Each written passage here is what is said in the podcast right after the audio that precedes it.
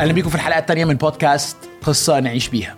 الهدف من البودكاست ده إن إحنا نشرح المسيحية كقصة واحدة كبيرة من خلالها نفهم العالم اللي إحنا عايشين فيه ونفهم إحنا كمان آه، نعيش إزاي. معايا أندرو. إزيك أندرو؟ أنا كويس. إحنا في الحلقة الأولى دخلنا في الموضوع على طول الخلق. ليه ربنا خلقنا؟ إحنا موجودين هنا ليه؟ آه، ده بيقول إيه عن قيمة الإنسان؟ ونشوف نفسنا إزاي حتى في عينين ربنا. بس قبل ما نخش على المرحلة الثانية اللي إحنا جبنا سيرتها آه، المرة اللي فاتت خلينا بس ناخد خطوة لورا. إيه حوار القصة ده؟ يعني ما اظنش ناس كتيرة متعودة انها تتكلم عن ديانه على ان هي قصة يعني حتى قصة يعني إيه، قصة اطفال قصة قبل النوم. يعني ليه اخدنا ال approach ده؟ وأنا عارف ان انت عامل masters في الموضوع ده فاشرح لي كده شوية. أكتر. ده سؤال كويس قوي بالذات لما هنخش في المحطة التانية لأن القصة هيبقى شكلها أغرب فمحتاجين نفكر في القصة. وخليني أرد عليك من ناحية أدبية سيكولوجية ومن ناحية فلسفية. من ناحية أدبية سيكولوجية آه، الناس بتتكلم عن إزاي إنه القصة أو السردية هي طريقة بنفهم بيها. وأنا بعمل دراسات في الماجستير في الأدب كان في مادة بتقول مش إزاي بس نفهم القصة لكن إنه القصة طريقة بنفهم بيها العالم. إنه مشاعري بتحكي لي قصص. آه أنا بفهم العالم اللي حواليا من خلال إني بحكي لنفسي من جوه هو العالم ماشي إزاي وأنا كجزء منه بعيش إزاي. Okay. وعشان كده الفيلسوف أليستر ماكنتاير قال قبل ما أجاوب لك على سؤال أعمل إيه أنا محتاج أجاوب على سؤال قبليه هو أنت عايش في أنهي قصة أو قصص؟ فالقصة هي إطار كبير بيقول لي أفهم العالم اللي, اللي أنا عايش فيه ده إزاي وأفهم نفسي إزاي بقى من خلال العالم ده. Okay. Okay. فبس يعني بك- بكلمة قصة فأنت بتعني طريقة بنبص بيها على العالم لكن ده مش معناه إن القصة مش حقيقية أو إن هي خرافة يعني. ما عشان كده يمكن كلمة قصة مش كلمة دقيقة الكلمة بال English narrative بالعربي بنسميها سردية. إنك okay. تفكر في حاجة متتابعة. يعني حتى بيقول لك حتى من جهة المشاعر لما أنت بتغضب. ده بيحكي سردية إني أنا كنت في حالة معينة وكان عندي حاجة قيمة والحاجة دي اتعرضت لتهديد معين. عشان كده غضبت. أوكي. فحتى الشعور نفسه ماشي في سردية. حالة تهديد رد فعل وراه قيم جوه السردية دي. يعني أنا دلوقتي هدف البودكاست إن إحنا نشرح المسيحية كويس كأننا إيه بنعرف حد عليها يعني. فليه أفضل أستخدم قصة عني إني مثلا أقول دي العقائد أو الحقائق الأساسية اللي في المسيحية؟ طريقة التفكير دي بتقول إنه إحنا مش مجرد أمخاخ تحليلية لكن إنه الإنسان كائن معقد والحياة معقدة. والتعقيدات دي أفضل طريقة للتعبير عنها والتفكير فيها هي القصة. يعني أوكي. خليني أديك مثال. أنا ممكن أقول لك أن الإنسان ذو قيمة ومحبوب دي جملة. بس أنت جواك عايش قصة تخليك ما تستقبلش الجملة دي انت عندك ذكريات لما سابوك ونسيوك وعندك ذكريات لما فلان كشر في وشك وعندك ذكريات لما فلانة الأمورة دي قالت لك لأ وما دخلتش معاك في علاقة دي مش عقائد. دي مش جمل دي خبرات وقصص انت عشتها وعايشة جواك. ودي بقى أهمية إني أحكي لك قصة مختلفة تطلع مشاعر وتطلع ذكريات وترسم صور علشان تتعامل مع كل ده لأن الإنسان كان أعقد من إني أقول له بس الصح في جملة أوكي. لو هبص على كتاب مقدس مش هبص إن هو مجموعة من القصص المفرطة بس كأن أشوف إن دي كأنها مشاهد في قصة واحدة كبيرة ليها الأرك ده اللي إحنا اتكلمنا عنه الخمس محطات دول. ولو فهمناهم وعرفنا نحط نفسنا بقى في القصة دي نفهم حياتنا ونفهم إحنا موجودين هنا ليه. ومن جهة سيكولوجية واحدة من الطرق للتعامل مع صراعاتي حاجة بيسموها cognitive reappraisal إعادة التقييم المعرفي. إنه الحاجات اللي أنا عديت بيها أقراها بشكل مختلف. ده إن أوكي. أنا أحكي لنفسي القصة بطريقة مختلفة. وبيقولوا إنه ساعات كمان جزء من شفاء المشاعر إن يعمل حاجة اسمها feeling replacement إنك تستبدل شعور بشعور تاني وعشان ده يحصل انت بتحكي القصة بطريقة مختلفة. فبدل ما تقول أنا بحكي قصتي إن أنا اتسبت وإني فاشل وإني ماليش قيمة هقول في قصتي تعرضت لحاجات صعبة واتسبت بس قدرت أتطور. Okay. قدرت يطلع مني حاجة مختلفة. فأنا ما لغيتش القصة ما عملوليش مسح للذاكرة. بس ابتديت أقرأ القصة وأحكيها بطريقة مختلفة. Okay. طلعت قناعة مختلفة وشعور مختلف. Okay. حلو جدا. حلو جدا. طيب يعني خلي الأفكار دي معانا وإحنا ماشيين في البودكاست ده.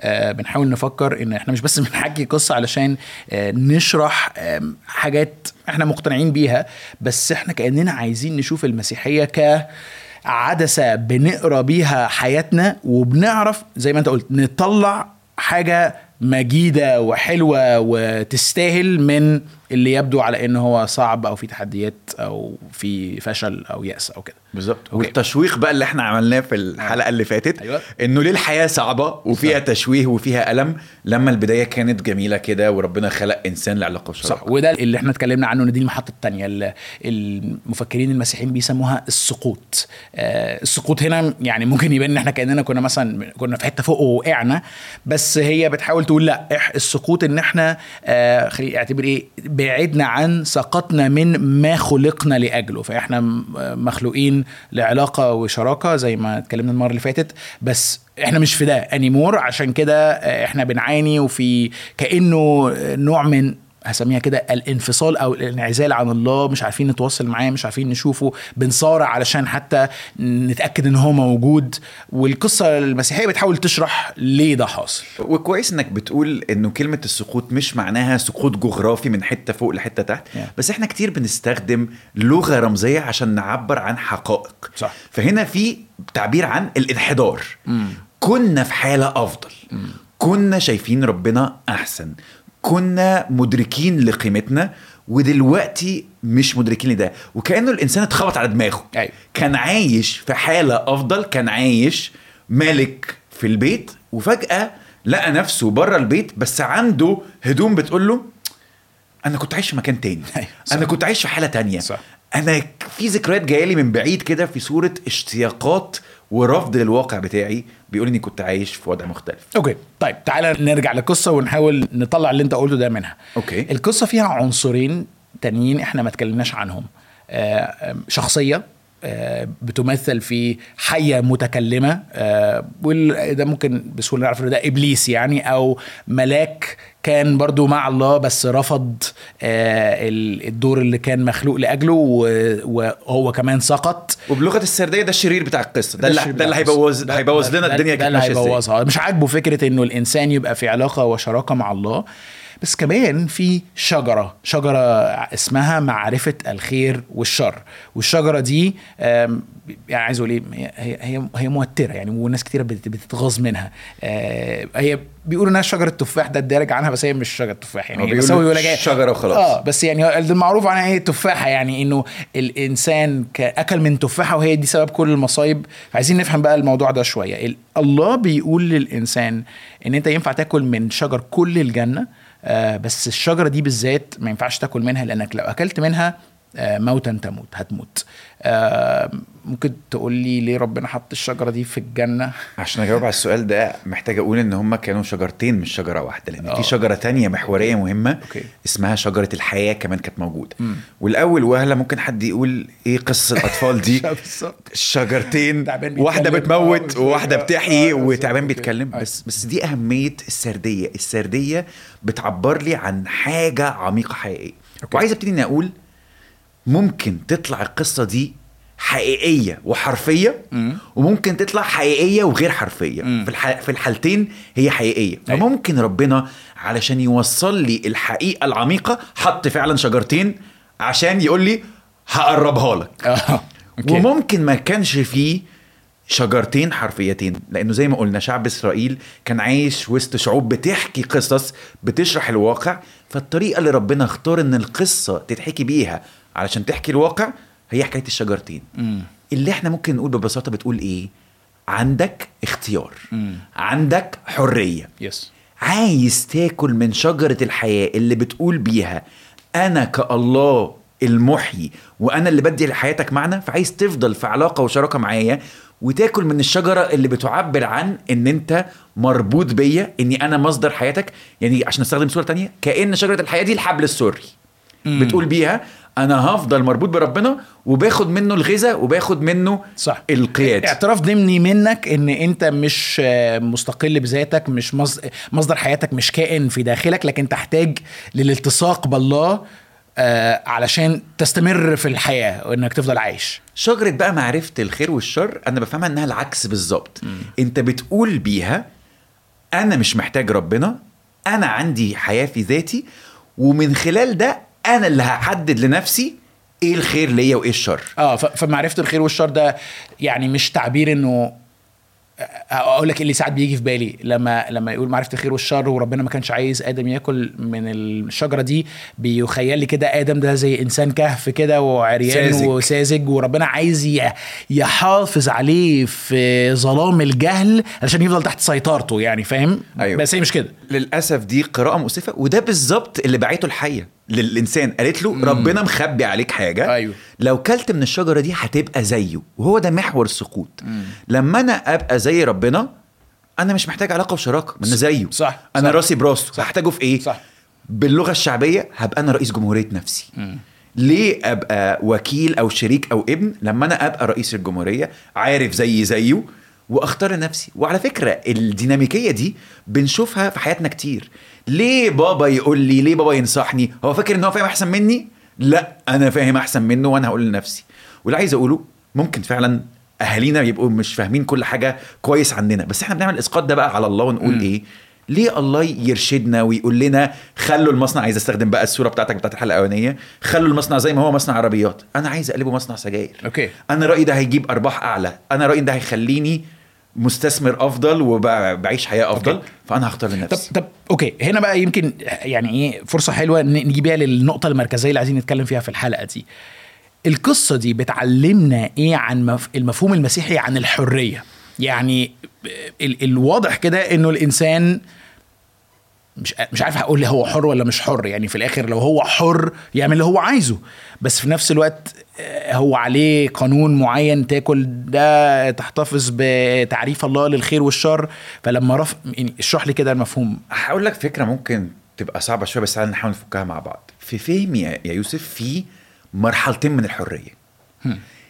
أول مرحلة فيهم دي اللي ربنا اداها للإنسان هي حرية الاختيار. هو أنت عايز تبقى معايا ولا مش عايز تبقى معايا؟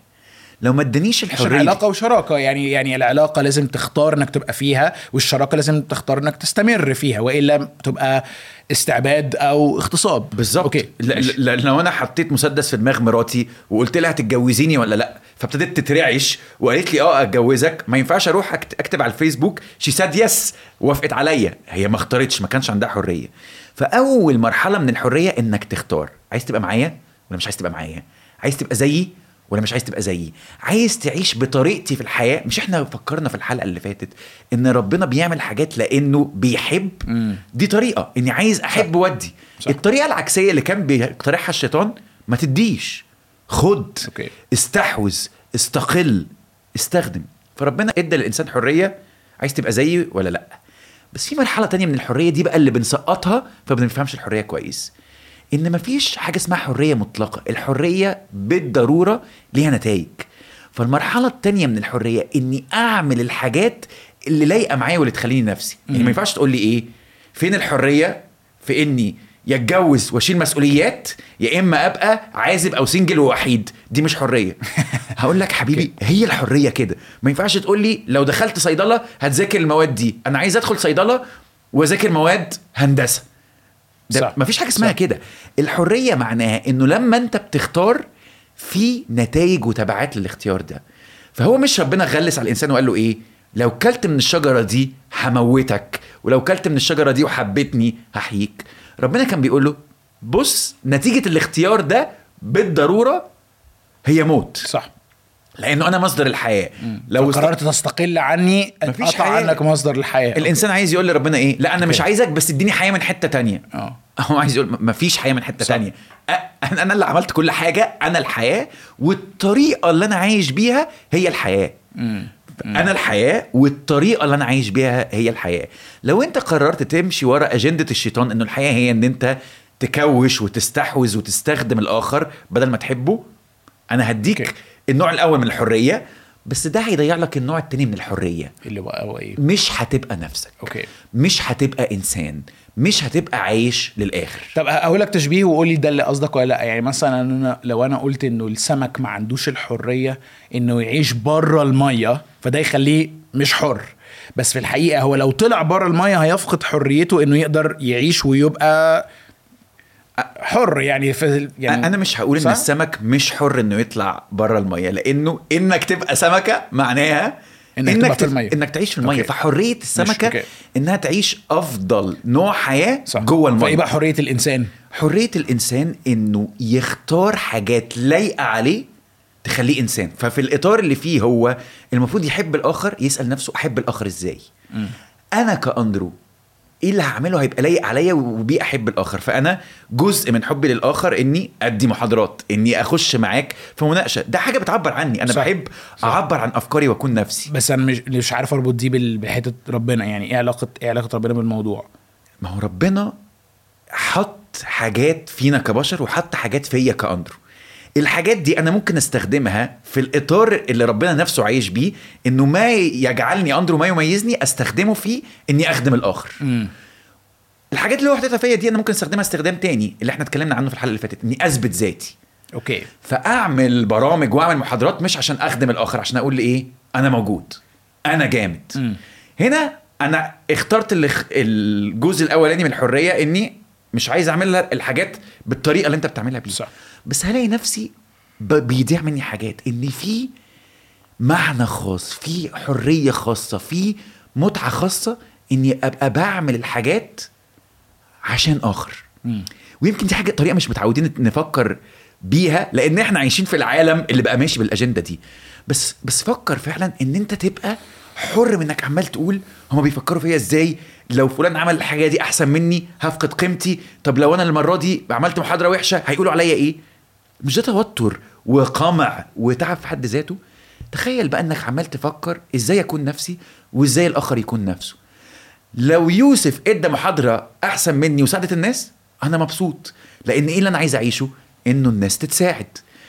فلو يوسف ساعد الناس أنا مبسوط. لو عبيد ساعد الناس أنا مبسوط. وأنا لما ساعد الناس أنا مبسوط. okay. حريتي هنا بقت أكبر. ليه؟ لأني بقيت ماشي مع الإطار إني مش بستخدم الآخر كوسيلة الآخر غاية أنا عايزه يستفيد. أوكي. فبقى كل ما حد بيفيده أنا مبسوط. انبساطي قل ولا زاد؟ زاد زاد.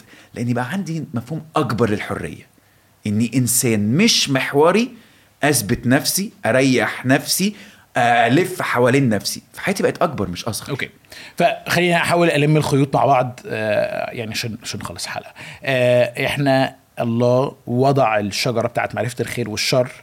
ووضع شجرة الحياة. شجرة الحياة إن أنا آكل منها كأني بقول له انت مش بس مصدر حياتي أقدر اعيش لو طول ما أنا باكل من الشجرة دي بس أنا كمان عايز اعيش الحياة زي ما انت عايشها آه وده هي هيخليني اكتشف أو اعيش انسانيتي بالكامل اللي مش متمحوره حواليني لاني كده كده معترف ان أنا محتاج لآخر علشان اعيش ليه.